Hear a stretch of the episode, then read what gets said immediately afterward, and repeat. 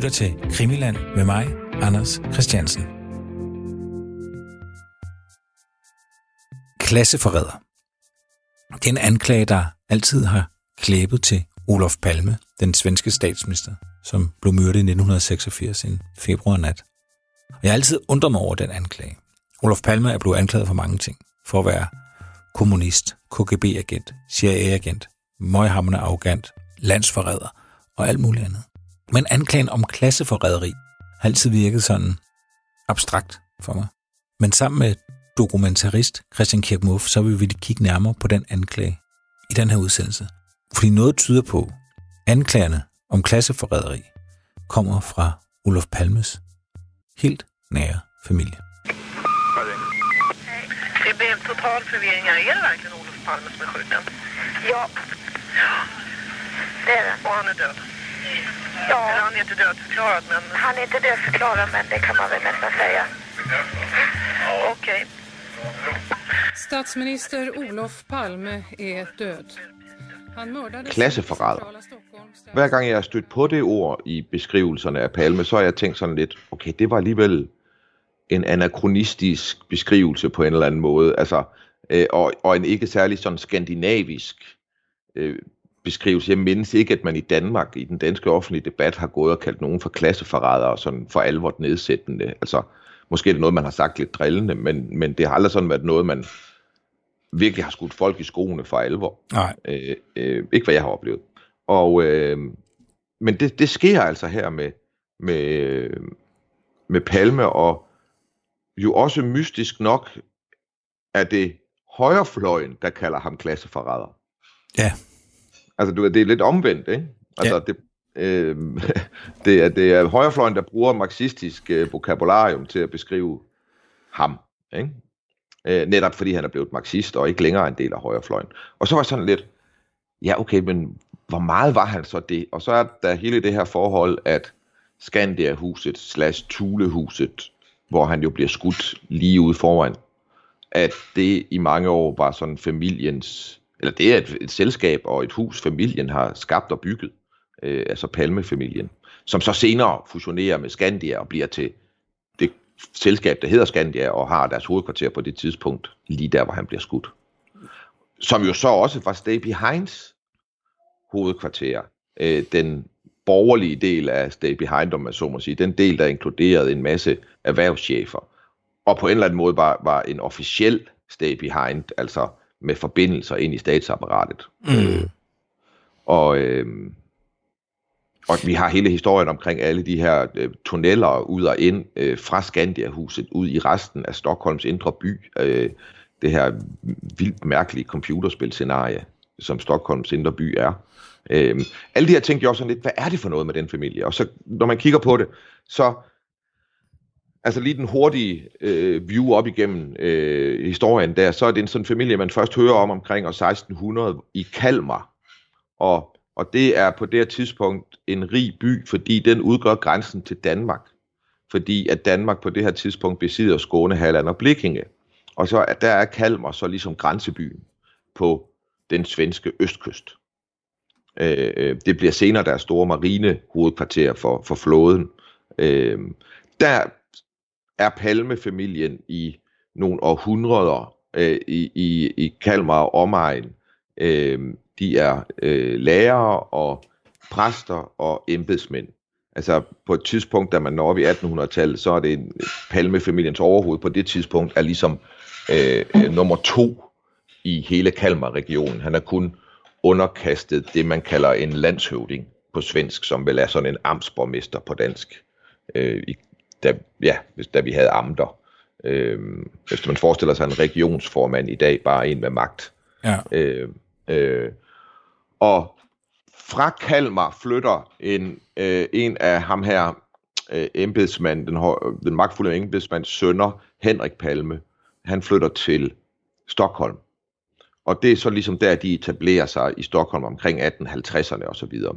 Øh, og det er på det her tidspunkt også, hvor øh, Sverige gennemgår nogle, ligesom i Danmark gennemgår nogle voldsomme øh, forandringer. Når jeg læser beskrivelserne af det her, så Henrik Palme er meget driftig. Han får sat gang i en bank. Der sker nogle øh, liberaliseringer af, af lovgivningen, der gør, de her gamle lavs, øh, eller, øh, altså det her med, at der kunne nogle bestemte folk, der havde ret til at gøre bestemte ting, øh, de ligesom ophører. Så, så det bliver muligt for, for almindelige mennesker øh, med en vis kapital og med en vis forstand og med en vis netværk osv. at starte en bank. Det gør Henrik Palme i hvert fald. Og, og det er så det, der så over de næste årtier blandt andet bliver til et forsikringsselskab, som blandt andet bliver til, til, øh, som bliver til Thule, der senere bliver til Skandia og har hovedkvarter, hvor Palme bliver skudt øh, ude foran. Og øh, hvad var det nu, han hed ham her? Hvem, skal... hvem leder det? Er det Svend Palme, du leder efter? Det må være... han, er halvbror, han er halvbror til Henrik. Ja. Og kommer til, til, øh, til Stockholm i 1860'erne, 70'erne, efter at have haft en militær karriere. Men den militære karriere, den, den er sådan set fin, men den giver ikke rigtig nogen indtægter, og det er ikke en rig familie på det her tidspunkt. Så han gifter sig, ham her Svend Palme. Han gifter sig med, øh, hvad hedder det, finsk adel. En, en af ti børn fra en finsk adelsmand. En kvinde. Mm. Og øh, det er bare der, i det jeg har læst om det, er der bare nogle sjove beskrivelser af, af som jeg synes er lidt relevant at tage ind her, fordi jeg håber, vi senere kommer til at snakke lidt om den finske borgerkrig. Altså det, man skal prøve lige at forestille sig historisk af, det er, at i Danmark, der har du en adel på det her tidspunkt, og de er faktisk ret magtfulde, og på deres jorder, der kan der ligge hele landsbyer, hvor folk bor. På det her tidspunkt, der er folk ikke livegne længere, og du ved, de skal ikke, så folk er sådan set fri til at flytte, men det er jo ikke mange generationer siden før, at de folk, der ligesom blev født på Grevens land, de skulle blive på Grevens land. De kunne ikke bare flytte hvorhen de ville, fordi de skulle arbejde på hans jord. Det var mm. det, de var til for. Øh, men, men i forhold til, hvad man har set i andre lande, så var det, øh, som jeg forstår dansk historie, ikke sådan særlig øh, voldsomt den måde, adelen udnyttede befolkningen på. Der var sådan en vis samhørighed omkring nogle ting. Og det samme gælder, som jeg har forstået det, også i Sverige. Måske med en tand mere øh, øh, adskillelse øh, mellem overklassen og, og de livegne. Måske en lidt større klasseforskel. Måske, det ved jeg, ved jeg ikke. Men i Finland, der var det faktisk sådan, at adelen var svensk og talte svensk. Og ofte så kendte de ikke det sprog, som deres livegne talte. For de talte finsk. Og det er altså den her magtelite, som han gifter sig med Svend Palme her. Øhm, og samtidig med, at han tager job hos Henrik i det, der bliver til Tule, og bliver en øh, øh, direktør i Tule forsikringsselskabet. Og nu, nu begynder de altså at blive rige, de her palmefolk. Mm. Altså, som i seriøst rige. Altså, beskrivelserne af, af middage, når vi når op i 19 10, 20, 30'erne øh, hos Palmefamilien, som bor i det, der hedder Østermalm i Stockholm, som er det kvarter, som er øh, det magtelitens kvarter, og har været det i århundreder på det her tidspunkt. Der bor på tredje sal, som jeg mener det er, der bor, der bor øh, Olof Palme sammen med hans far og mor og hans søskende, som er, en, jeg kan ikke, hvor mange, jeg kan ikke lige huske, hvor mange de er, og så der bor de i en niværelseslejlighed, og til den anden side i samme opgang, der bor hans far, mor og farfar i en otværelseslejlighed. Ja, og, og bare, undskyld jeg afbryder, men bare lige for ja. at afsløre det allerede. Altså Svend Palme, det er jo Olof Palmes farfar. Ja. Ja. Nemlig ham her, der, der, der bliver den direktøren tidligt i, i Thule-selskabet og bliver gift med finsk adelsfamilie. Øh, præcis. Og når de bo, der, der hvor de bor i, i 20'erne, hvor da Palme bliver født i 27, det er altså det er et liv, hvor middagen, menuen, den er trygt, eller skrevet, altså, jeg forstår, forstår faktisk, at den er trygt, øh, øh, og du ved, på, på sådan nogle små øh, stykker pap, så du ligesom, når du kommer til bordet, sidder der, og selvfølgelig bliver betjent af tjenestefolkene, så er øh, de tre retter, eller hvor mange det nu har været, det er ligesom specificeret ud på fransk, hvad du skal have at spise den dag. Mm det er det pænt overklassestil for mig. det, må, det, må, det må man sige. ja, det er, det, det, så, så, så giver du den altså gas på, øh, på klassemarkørerne også, ikke? det ser lidt anderledes ud i mit barndomshjem. Ja, det gælder også hos mig. Men, men øh, og, og det er et hjem, hvor, hvor altså, øh, øh, her kommer for det første, fordi at man skal forstå her, at øh, ham her Henrik Palme, Henrik Palme, Svends storebror, han er, øh, han er også sådan kunstinteresseret, liberal interesseret, du, i nye tanker og så videre. Så det er altså en familie, hvor Strindberg kommer på besøg, og Selma Lærkerløf kommer på besøg i, lige efter århundredeskiftet, altså øh, og 1900, og i, i årene derefter. Og når man kommer længere op, så er det, øh, altså så er det politiske, øh, det er Mannerheims, øh, den store finske admiral, som ifølge finsk historiefortælling, og, og som jeg kan se det også rigtigt nok, øh, øh var den mand, der ligesom nærmest enhændigt øh, navigerede Svær, øh, Finland igennem 2. verdenskrig, og de utallige faretruende situationer, landet befandt sig i der, mm. øh, og, og gjorde det sådan altså helt ufatteligt godt. Øh, og hans bror kommer og spiser hos Palmefamilien øh, jævnligt. Det samme gør, øh, øh, og, og her er vi oppe i 30'erne, det samme gør ham, der senere bliver den mest, øh, øh, den tysker i Sverige, der taler mest for nazismen, øh, kommer. Det, der ligesom er fælles for dem, ifølge det, jeg har læst om det her, er, at de er antisocialdemokrater igennem generationer. Altså for Socialdemokratiet opstår, og, og øh, ja, og bortset fra Olof, ja. så altså frem til nu lader det til, eller det ved jeg ikke, men, men, men, men, men op til 80'erne, da Olof dør, er han i opposition til hans egen familie øh, omkring de her ting. Ja, og, og det, det er jo det, som jo lidt har tændt os på at fortælle den her historie nu, fordi, som du siger, det her med, at han var klassefredet, et, det er totalt anachronistisk i vores ører, at man beskylder nogen for at være klassefredet. Og jeg har egentlig altid tænkt det, at det var sådan bare generelt, at man i den svenske overklasse synes, at den her søn af en meget, meget rig familie lige pludselig render rundt og spiller socialdemokrat, at det var det, man mente, når man sagde klassefreder. Men der er jo rigtig meget, der tyder på, at det er jo hans egen familie. Hans ja, ja. allernærmeste, som betragter Olof Palme som, som klassefreder. Jeg har et citat, jeg lige kan smide ind her, bare for at, øh, at, vi, at, at folk kan forstå, hvad det er, vi taler om.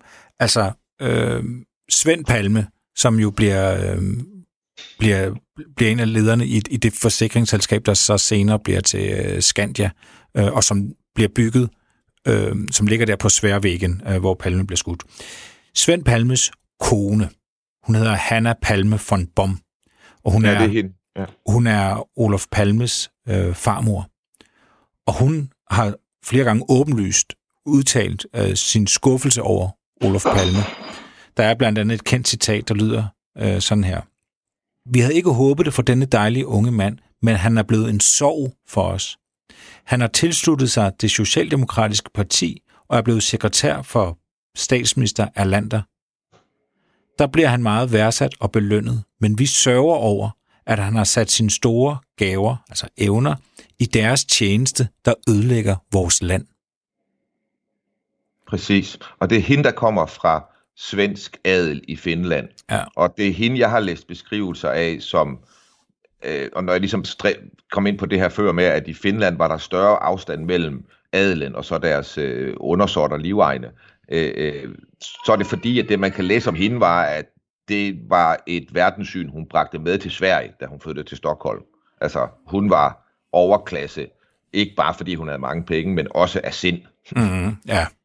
og, det, og, og hun voksede op, og det er jo vigtigt, at Olof Palme bliver født simpelthen i lejligheden ved siden af. Det her, det er en stærk sammenknyttet familie.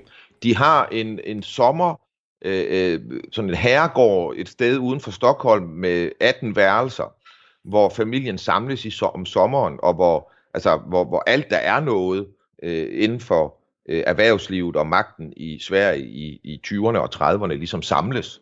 Mm. Øh, og, og, øh, og, og, og for at forstå, hvor lille den verden er i Sverige, på trods af, at landet er så stort, og der bor det dobbelte antal mennesker af, hvad der bor i Danmark, øh, øh, så er der jo også det mystiske sammenfald, at på anden sal i den opgang, hvor Palme bliver født, hvor hans familie og farmor og farfar som naboer bor på tredje, der bliver i samme periode på anden sal født en dreng, som er cirka jævnaldrende med Olof.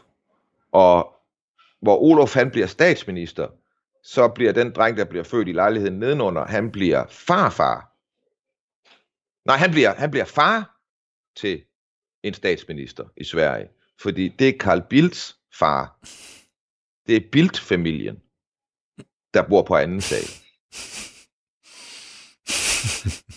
og, og man må jo sige, i forhold til at, at, at, at skulle lave tv-serie på det her, så er det jo en gave af den anden verden.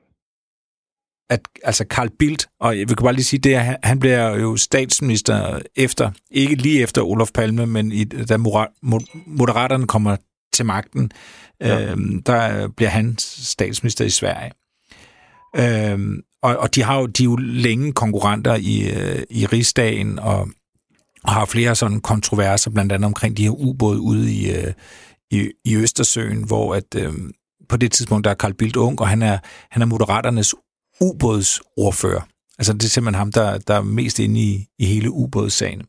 Og han er et lysende politisk begævelse. Det er første gang i årtier, at højrefløjen har haft en, en mand, der retorisk kan gå op imod Palme. Ja, og, og Carl Bildts farmor var eksempelvis med til Olof Palmes dåb tilbage i 1927. Altså, så det er nogle familier, der kender hinanden. Øh, og, og det er rigtigt nok Carl Bildts far, der så er, er nabo til, til Olof Palme. Han er syv år ældre end Olof Palme. Så, øh, så de har i hvert fald kendt hinanden, øh, de familier her, fra, fra way back.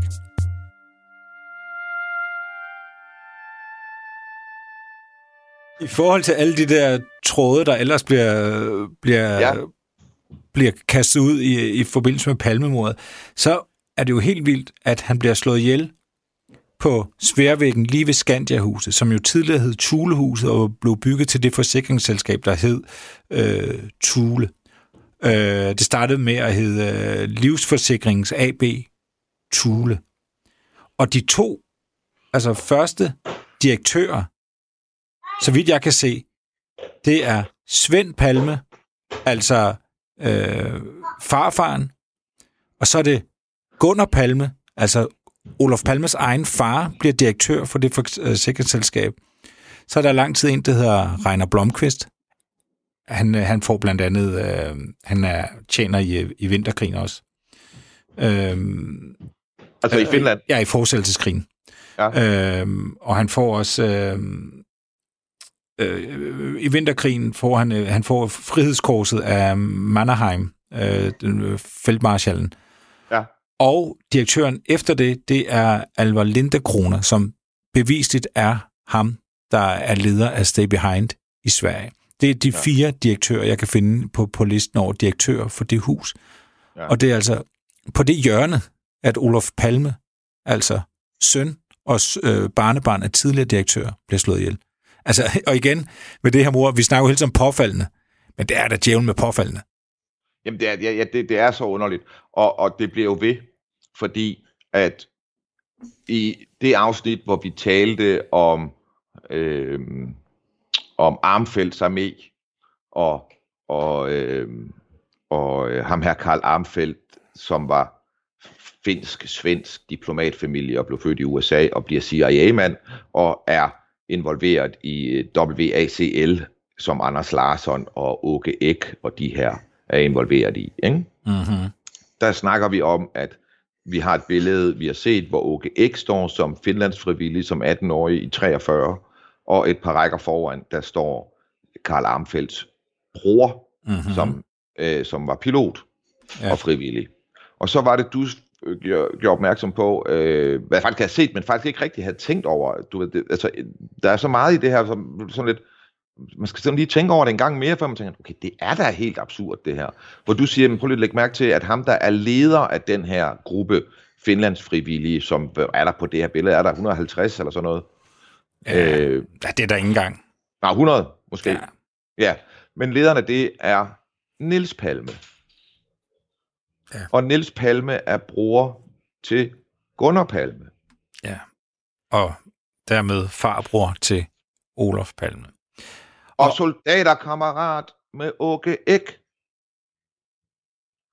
Altså, de soldaterkammerater, de tager til Østfronten sammen. Det vil, det jeg, jeg, jeg, jeg spoler helt tilbage, så alle er med her. Vi sidder og kigger på et billede øh, fra 1941, står der. Det er en afskedsmiddag for svenske frivillige soldater, der er øh, skal over og hjælpe finderne med at bekæmpe russerne. Vi arbejder jo, og det kan vi godt være ærlige med at sige, vi arbejder jo med en teori her øhm, øh, i programmet i øjeblikket, også to, øh, hvor vi kigger nærmere på alt det her Stay Behind og Leon-gruppen og, og Barbo-gruppen og alt det her. Blandt andet fordi vi kan jo se, at det har Palme efterforskning også arbejdet ud fra, men de ikke rigtig kunne komme nogen vejen. Men der er bare åbnet en dør til alle mulige hemmelige selskaber, vi ikke har kendt til før. Og et navn, der bliver ved med at dukke op i alle mulige sammenhænge omkring øh, grupperinger og, og så videre, så videre, det er ham, der hedder Åke Ek. Og ham er vi blevet meget interesseret i, vi prøver at finde ud af, hvem er han egentlig. Og han står på det her billede, for han er en tidligere øh, Finlands frivillig og, og kæmpede derover. Og det er rigtigt, han står helt ung oppe i toppen på det her billede, og nede, lidt længere nede, tydeligvis ældre end de andre, og, og leder af, af alle de her frivillige, det er, der sidder han, Nils Palme, Olof Palmes farbror. Og, og det vil sige, at han er soldaterkammerat med Åke Ek. Ja. Og ikke soldaterkammerat på den der danske måde, hvor du har tilbragt ni måneder i Holstebro. Men Nej. soldaterkammerat på den måde, hvor du har holdt hinanden, du, I har holdt hinandens liv i hænderne på daglig basis i situationer, der er så farlige og gruopvækkende, at mennesker, der ikke har prøvet det, aldrig vil kunne forstå det. Og kæmpe øh, dels i vinterkrigen og i, i forestillelseskrigen. Altså, når jeg læser om det der, så kan jeg faktisk ikke forestille mig noget, jeg nødig og ville end det. Altså, mens jeg var i live. Mm. altså, det, øh, øh, det, det er... Øh, det er jo en krig, hvor øh, russerne på deres side oplever, at der kommer en kæmpe invasion fra Hitler, Finland og en række andre lande, som har det eneste formål at udslette dem. Mm. Altså, vi snakker ligesom Genghis Khan. Altså, vi kommer, vi indtager jer, og vi udsletter jer. Og, og, og, og det betyder, at der er en, en desperation og råhed. Jeg tror, der altid er i krig, men, men, men her er det, her sker der en forrådelse af soldaterne Øh, meget, meget hurtigt. Øh, det, det er minus 40 grader. De har dårligt med udstyr. De er øh, på den svensk-finske side, øh, har de nogle få tyske tanks og nogle få tyske fly, men overfor dem står tusindvis af russiske tanks og Øhm, altså maskingeværer, øh, tunge maskingeværer og artilleri, øh, og som, som bare altså numerisk og i, i, i øh, tonage udklasserer de her svenske og finder øhm, øh, totalt.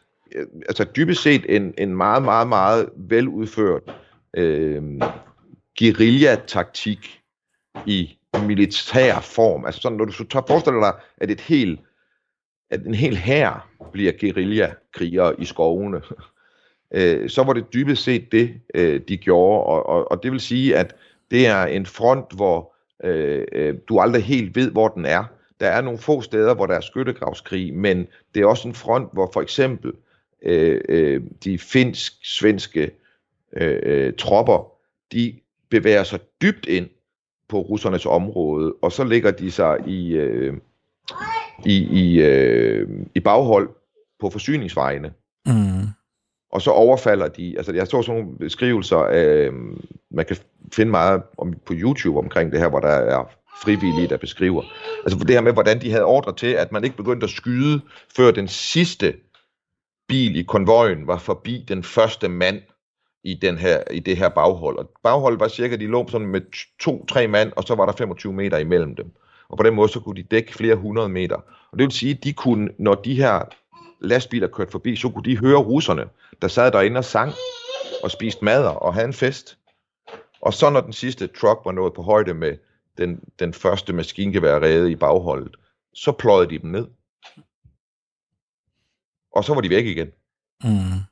Og det betød jo så, at russerne var øh, pænt, pænt gale i skralden. Og øh, når de nåede frem til landsbyer, øh, øh, som de indtog, så skulle finderne og de lokale, altså dem, der boede der, de skulle enten have en meget, meget, meget øh, stærk kommunistisk partibog i hånden, øh, eller også så skulle de flygte. Altså, civilbefolkninger, der kom i klemme her, de blev dræbt. Der var ikke nogen røde kors, der kom og reddede der, og der var ikke nogen forestilling om, at man tog nogen som helst risiko ved at lade være med at skyde på alt, der bevægede sig over på den anden side. Øh, det gjorde man bare. Ja. Øhm, så det er en meget, meget forbitret kamp, og det er jo en kamp, som i Palmefamilien har varet i årtier, fordi den kamp starter dybest set allerede i 1917-1918, hvor der jo er den finske borgerkrig, som er en udløber af, af revolutionen i Rusland. Det er dybest set øh, kommunistiske øh, øh, finder, som gør oprør mod, og dem kalder man de røde øh, i den finske borgerkrig, og de gør oprør øh, mod det, der bliver kaldt de hvide, og, og de hvide er dybest set lidt forenklet, så er det den finske magtelite og, og det finske borgerskab, mm. øh, som er imod arbejderne her. Og der er Palme-familien jo dybt involveret. Og Olof Palme, da han bliver døbt i 27, hvor Karl Bills farmor er med, øh, der bliver han jo opkaldt efter en Olof Palme, som ville have været hans farbror. Ja. Og, og som dør, da han leder et slag, hvor man nedkæmper en arbejderopstand i en finsk havneby. Og han var en kendt frihedshelt, eller borgerkrigshelt for de hvide øh, på det her tidspunkt. Og det er jo hans mors side. Det er jo ikke, fordi han er Finlands frivillig i hans egen opfattelse. Nej, hans mor er finsk adel, og hans, hvad der så må have været morfar, og den familie har været en stor adelsfamilie i Finland, som stod til at miste alt, hvis de røde var kommet til. Ja. Ja. Ja, altså, der er ingen tvivl. Altså, Palme-familien er jo dybt involveret i, øh, i, i, i den del af det. Øhm, Ja, dybt involveret, dybt involveret, og, og ikke bare politisk, de er involveret i krigene her, Ja. øh, med kød og blod, og de er involveret, altså netop med kød og med blod, fordi de er også involveret øh, familiemæssigt. Ja, altså bare for at opsummere, vi har altså Olof Palme, farbror Olof Palme, som, som, som dør der i, i, i 18 og bliver en, bliver en frihedshelt. Vi har Olofs far, en anden bror, som hedder Gunnar Palme. Øh, og så har vi så Nils Palme, som dels også er en, øh, en held fra, fra Første Verdenskrig, set med finnernes øjne, og så også igen i Anden øh, Verdenskrig, Set med de konservative finders øjne. konservativ finders øjne. Ja, han var en held for de hvide. Ja, og, og, og- Gunnar Palme, altså Olofs far, han var blandt andet også med i noget, der hed Foreningen Finlands Venner, og en organisation, der hed Finlands Frihed. Øhm, og de gør så også til talsmand, det gør øh, farfaren Svend, øh, med at den eneste rigtige frihed for Finland, det er det svenske sprog. Og jeg, jeg, jeg, jeg synes, det her er forbløffende på den her måde. Prøv, lad os lige, nu leger vi med tanken, at når vi når frem til 80'erne, så er det Åke Æg og hans gruppe, der på en eller anden måde er involveret i at udføre øh, drabet på Palme. Det er en teori, det er hvad det er, men lad os lege med den. Hmm. Det vil sige, hvis du forestiller dig, så vidt jeg husker det, så ham her, øh, Niels Palme, han dør op i 60'erne, 67 eller sådan noget. Jeg er ikke sikker på det. Det var det sådan noget. Det vil sige, hvis du... 63. Ja, hvad, 63. Øh, øh, hvis, men lad os, sige, lad os sige 1960. Og lad os finde en, en, en fin øh, restaurant i Stockholm. Og forestil dig, at i den ene side, der sidder Olof Palme, han er øh, statsministerens sekretær og en ung, stjer, altså virkelig stjerne på vej op igennem Socialdemokratiet. Øh, Og i den anden side, der sidder Åke Ek, som på det her tidspunkt, jeg tror faktisk, han er forsikringsmand, Det er han nemlig. og involveret i hemmelige grupper, der har sådan en semi-officiel tilknytning til øh, efterretningstjenester øh, allerede på det her tidspunkt. Hvis du forestiller dig så, at Niels Palme kommer ind her i 1960, så kan han sætte sig over til hans nevø, som er socialdemokrat og meget magtfuld i Sverige, eller han kan sætte sig over til hans gamle social eller soldaterkammerat mm. og ideologiske, i hvert fald beslægtede øh, øh, ven, øh, øh, Åke Ek. Det Åke Ek repræsenterer, og det han i givet fald ville have været involveret i et drab på Olof Palme på grund af, det er en til en, hvad Palmes familie på det her tidspunkt, som jeg ser det, også står for.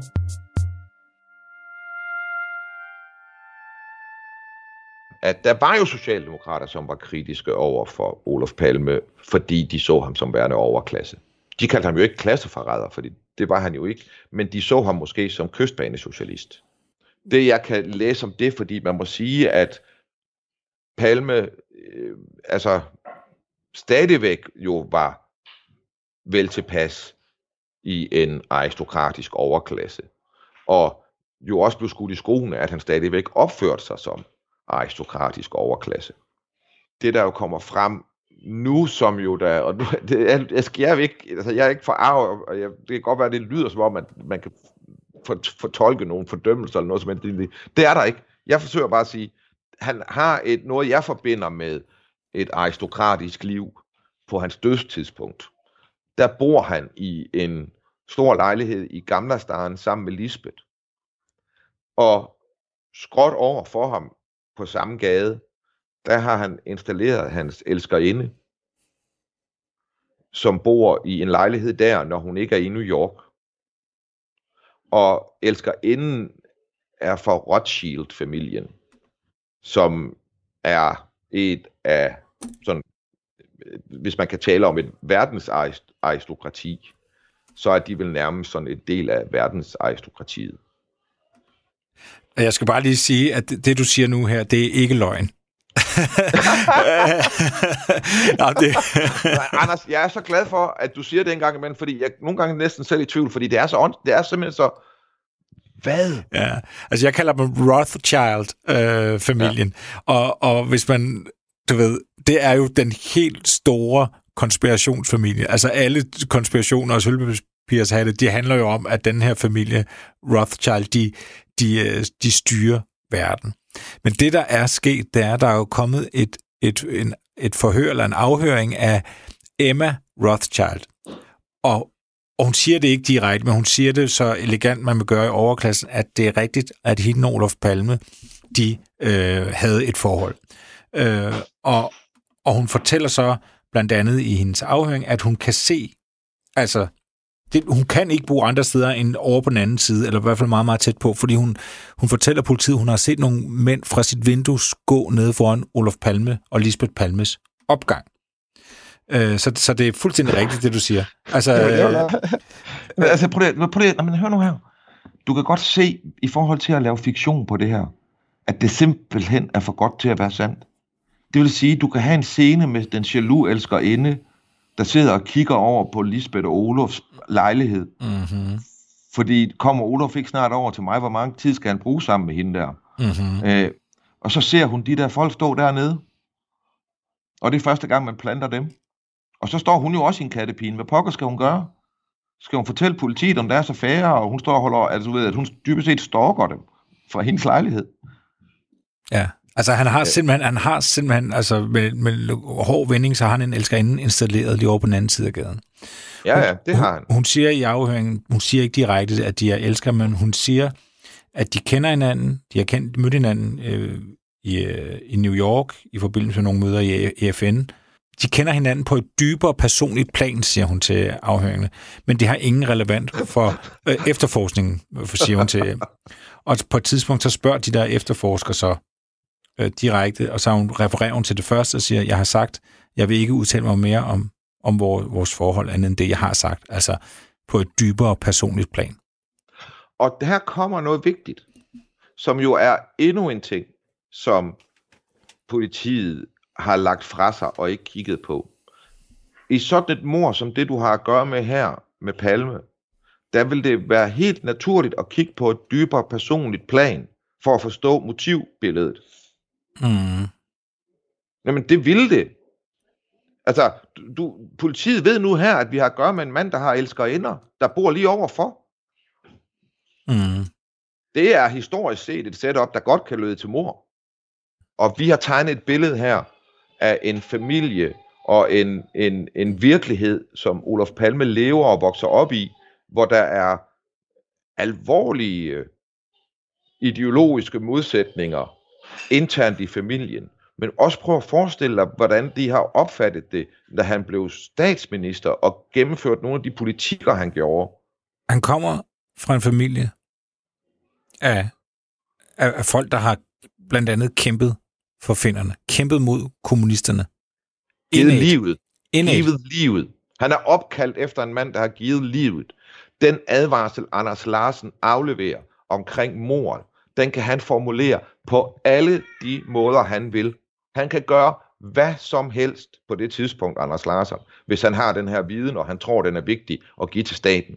Det han vælger at gøre, det er at finde en gammel avisartikel, og så tage den overskrift, hvor der står Olof Palme, Dr. Olof Palme død, streg doktor ud. Overskriften henviser til, da hans farbror bliver dræbt i den finske borgerkrig. Men uden doktor, så står der bare, Olof Palme er død, og så afleverer han den otte dage inden Palme bliver dræbt.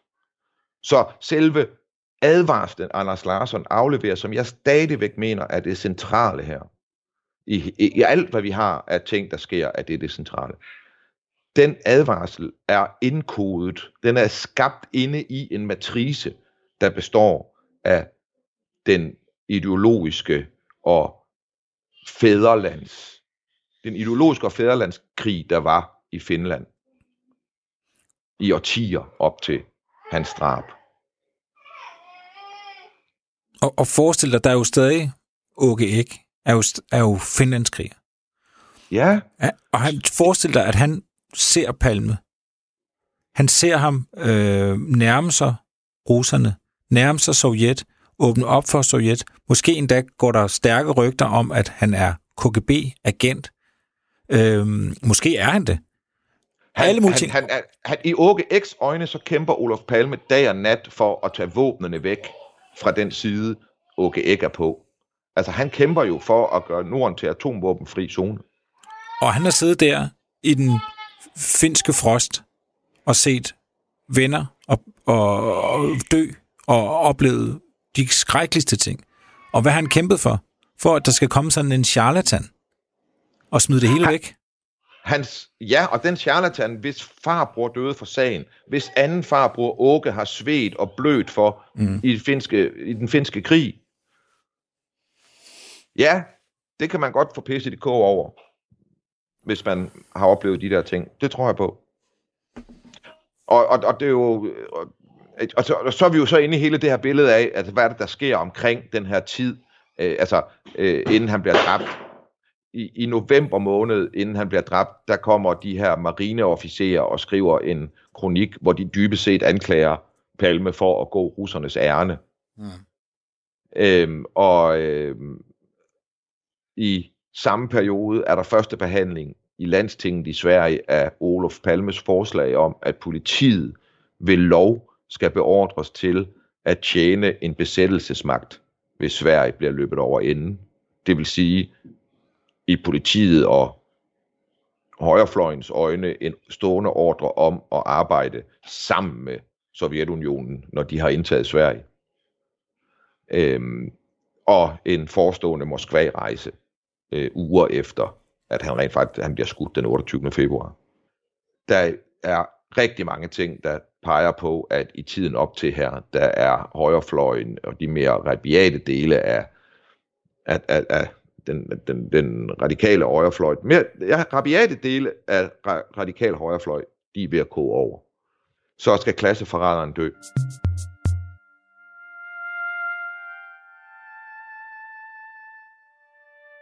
Okay, Ek, som vi jo har stor fokus på, vi, vi, vi ved, at han var efterretningsmand. Øh, allerede under 2. verdenskrig, det ved vi fra en, øh, en engelsk kilde. Og vi mistænker ham for at være leder af det, der hedder Leon-gruppen. Han hed jo også øh, Leon, eller Lennart, og kaldte sig Leon, øh, når han var, var frihedskæmper eller soldat. Øh, og, og vi har noget, der tyder på, at han kunne være det. Altså en af de her mange grupperinger, der er under Stay Behind, der er Arla Gryning, der er Leon-gruppen, der er Barbro-gruppen. Og, og jeg læser her i en, en, en, en fed bog, øh, der hedder Brunt, øh, som er sådan en antologi over nazisme i, i Sverige. Og der er et kapitel, der er skrevet af en, en, en forsker, der hedder Mats Deland, der hedder Allo, Allo eller Vareulver, som handler om øh, nazistiske grupperinger i Sverige efter krigen. Og han skriver, at, øh, at det, der hedder Sveaborg, som bliver til øh, også til Stay Behind, øh, altså det der, altså han skriver, den svenske Stay Behind-bevægelse, den har sit udspring blandt de her svenske øh, frivillige, der kæmper for, for finderne, og, og det sker den 3. august 1941. Så der her der er altså en gruppe, som, som starter en del af det, som så bliver, bliver udviklet sig til Stay Behind. Det er så selvfølgelig svært at danne sig et fuldt overblik over svensk Stay Behind, for der er nogle grupperinger, der, der løber ind i hinanden og ud af hinanden og, og skilles. Men, men her der er altså en kerne til det, vi kommer til at kende som Stay Behind. Det starter altså i 41 blandt svenskere, der sidder og, og, i Sveaborg. Og som jeg, for, som jeg har fået den her historie, øh, flere kilder nu, der, der understøtter, så øh, det der, Sveaborg bliver stiftet i 41, men allerede i 43, der forstår ham her Otto Halberg, der har stiftet det, at det han har stiftet på det tidspunkt, er sådan set en, en, en kamporganisation, som han forestiller sig skal indtage, være med til at indtage hele Rusland men øh, også være en forening for de soldater, der ligesom i fællesskab gør det, og er nazistisk sindede. Øh, og, men i 43, der ser han, at krigen er ved at vende, og der begynder han allerede at forberede, at det skal blive til sådan en, en, en øh, vareulveorganisation, altså hvor nazierne gemmer sig mm. i samfundet, men bibeholder hemmelige celler. Mm. Øh, og øh, og øh, det er så der, at man kan spekulere i, at, at Åke Ek det er sådan, jeg ser ham, at han der i 40'erne og 50'erne er sådan en, en forbindelsesofficer mellem de her to verdener, fordi han får en militær øh, uddannelse, øh, og han opererer OGEK i, på Gotland med, med efterretningstjeneste ting, som virker til at være sanktioneret af de rigtige efterretningstjenester, men at være igennem øh, et nazinetværk. Øh, ja. så, så der er også, og i 48, da Sveaborg ligesom øh, eksisterer og fungerer som ikke mindst øh, rekruttering og øh, inde bag det, der nu er blevet til jerntæppet i, i Baltikum, hvor de jo har rigtig gode forbindelser til nazister, som er har gemt sig der, altså hvad hedder det, baltiske øh, øh, øh indbyggere, som, som gemmer sig der nu, og ligesom er gået under jorden og forsøger at være almindelige borgere i det nye Sovjetunionen. Øh, dem har de jo et kæmpe godt netværk i, og det er dem, Colby og Karl Armfeldt er interesseret i. Det er det, de gerne vil have, da de kommer til Sverige i 48. Mm. Mm. Så at, at øh, altså det, øh, forbindelsen mellem Åke Ek og, og, og Karl Armfeldt, den er der en til en igennem øh, WACL. Og at Åke Ek, eller, og at, øh, at øh, Armfeldt kan være den, der har finansieret øh, Sveaborg, og det som øh, bliver til de nye forgreninger af Sværeborg øh, i 50'erne. Øh, det virker meget, meget, meget, meget sandsynligt, baseret på det, jeg kan se. Mm. Så det er et, øh, altså, og det er der igen, jeg synes, det er forbløffende, at jeg tror, at hvis Olof Palmes farbror var kommet ind på en restaurant i 1960, hvor Olof Palme sad til den ene side, og Åke Æg, der senere måske skulle blive manden, der slog Olof Palme ihjel, så vil Niels Palme sætte sig sammen med den fremtidige morder, Åke Æg. Fordi det var ham, han havde noget til fælles med. Det var ham, han havde et bevisfællesskab med, og det var ham, han havde livserfaringer sammen med. Mm. Nu skulle lige sige, at vi ved jo selvfølgelig ikke, at Åke er morder overhovedet. Ej, men det, jeg tror ikke, Åke er, er, er morder. Han er også for gammel. Jeg, jeg, jeg tror ikke, han har, han har ikke skudt nogen på den måde, mm. men jeg tror, at der er en mulighed for, at hans organisation har spillet en rolle i den forbindelse. Mm. Men det er, vi er, det er teorier, det her. Det er teorier. Under uanset, så er det jo da i hvert fald slående, at jeg tror, at Olof Palmes farbror ville have sat sig ned sammen med nazisten Åke Mm. mm. Ek, før han satte sig ned med Socialdemokraten Olof Palme, som også var hans nevø.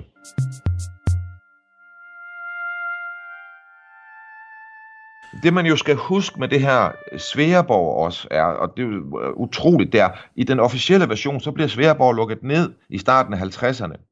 Øh, og ham her lederen, Otto Halberg, bliver ligesom sendt i fængsel i et år på, altså, for at lave ulovlig efterretningsvirksomhed, eller et eller andet, et eller andet, de finder på. Og så slut, nu findes det ikke mere, de der netværk er ikke, øh, det er opløst, det er der ikke mere.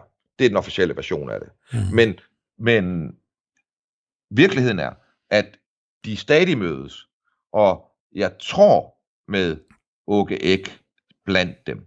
Men jeg ved med sikkerhed, at de mødes blandt andet hjemme hos Ravner Liljeblad. Han bliver leder af Svea, eller involveret i Sveaborg 2.0, altså det, som efter Halberg er røget i fængsel, og, og, og den officielt set skulle være opløst. Så som jeg kan se det, og det er der altså pænt gode kilder på, så bliver han en af dem, man holder møder hjemme hos i Sveaborg 2.0, som jeg mistænker Åke ikke for at være lederen af, mm. eller i hvert fald blive lederen af. Og, og øh, det er altså en magtfuld mand, ham her. Øh, altså han, han, bygger, han, for, han bygger de svenske atomkraftværker øh, i 50'erne og 60'erne, og han er manden, der forsøger at drive Sverige til at blive en atommagt, ved at de skal udvikle deres egen atombombe. Det, det bekræfter ham her, øh, jeg refererer til før. Øh, der har skrevet den her Varulva, Allo, Allo. Øh, han skriver det samme. Okay. Øh, Mats Deland. Jeg tror, noget af det, man kan forestille sig ske, for eksempel er, og sådan som jeg forstår det, så da Sveaborg ligesom bliver opløst der i 52, så er det på baggrund af Ted Palm, som, som er, er efterretningschef på det her tidspunkt, som mener, at det er blevet for nazistisk, for højorienteret. Og som jeg så forstår det, så er det han ligesom bliver initiativtager til det, der bliver Lindenkrona, øh, hvad hedder det, øh, Lindenkronas Stay Behind. Mm. En mere stueren version af Stay Behind, som er mere forankret i erhvervslivet. Men, også som jeg forstår det, så sker der på det tidspunkt det, at CIA bliver ved med at finansiere Sveaborg 2.0. Mm. Så der stadigvæk kom udstyr og finansiering. Og det er jo så det, man kan spekulere i, at da du når op i 80'erne, at noget af det, som Armfeldt sidder nede i Holland-Belgien og gør med CIA-penge, det er at finansiere de svenske lokalforeninger af WACL, den baltiske komité og alle de her ting. For vi ved jo fra Åke Ek, at de modtog penge fra CIA. Mm. Det, de har tilbydet CIA, er et utroligt godt netværk inde i de baltiske lande. Så det er bare for at sige, det der store politiske øh, attentat-tv-serie om Palme, det kan også blive et familiedrama oveni, Ja. når, det skal, når vi skal lave fiktionen på det her. Altså, det, jeg må bare sige, at virkeligheden er, øh, er meget, meget, meget venlig, når det kommer til at gøre en meget kompleks morsag underholdende og vedkommende og forståelig også på et følelsesmæssigt plan. Fordi det her, det er relationer, man kan forstå som menneske. Dem har vi alle sammen prøvet. Vi har alle sammen en onkel, vi er uenige med politisk.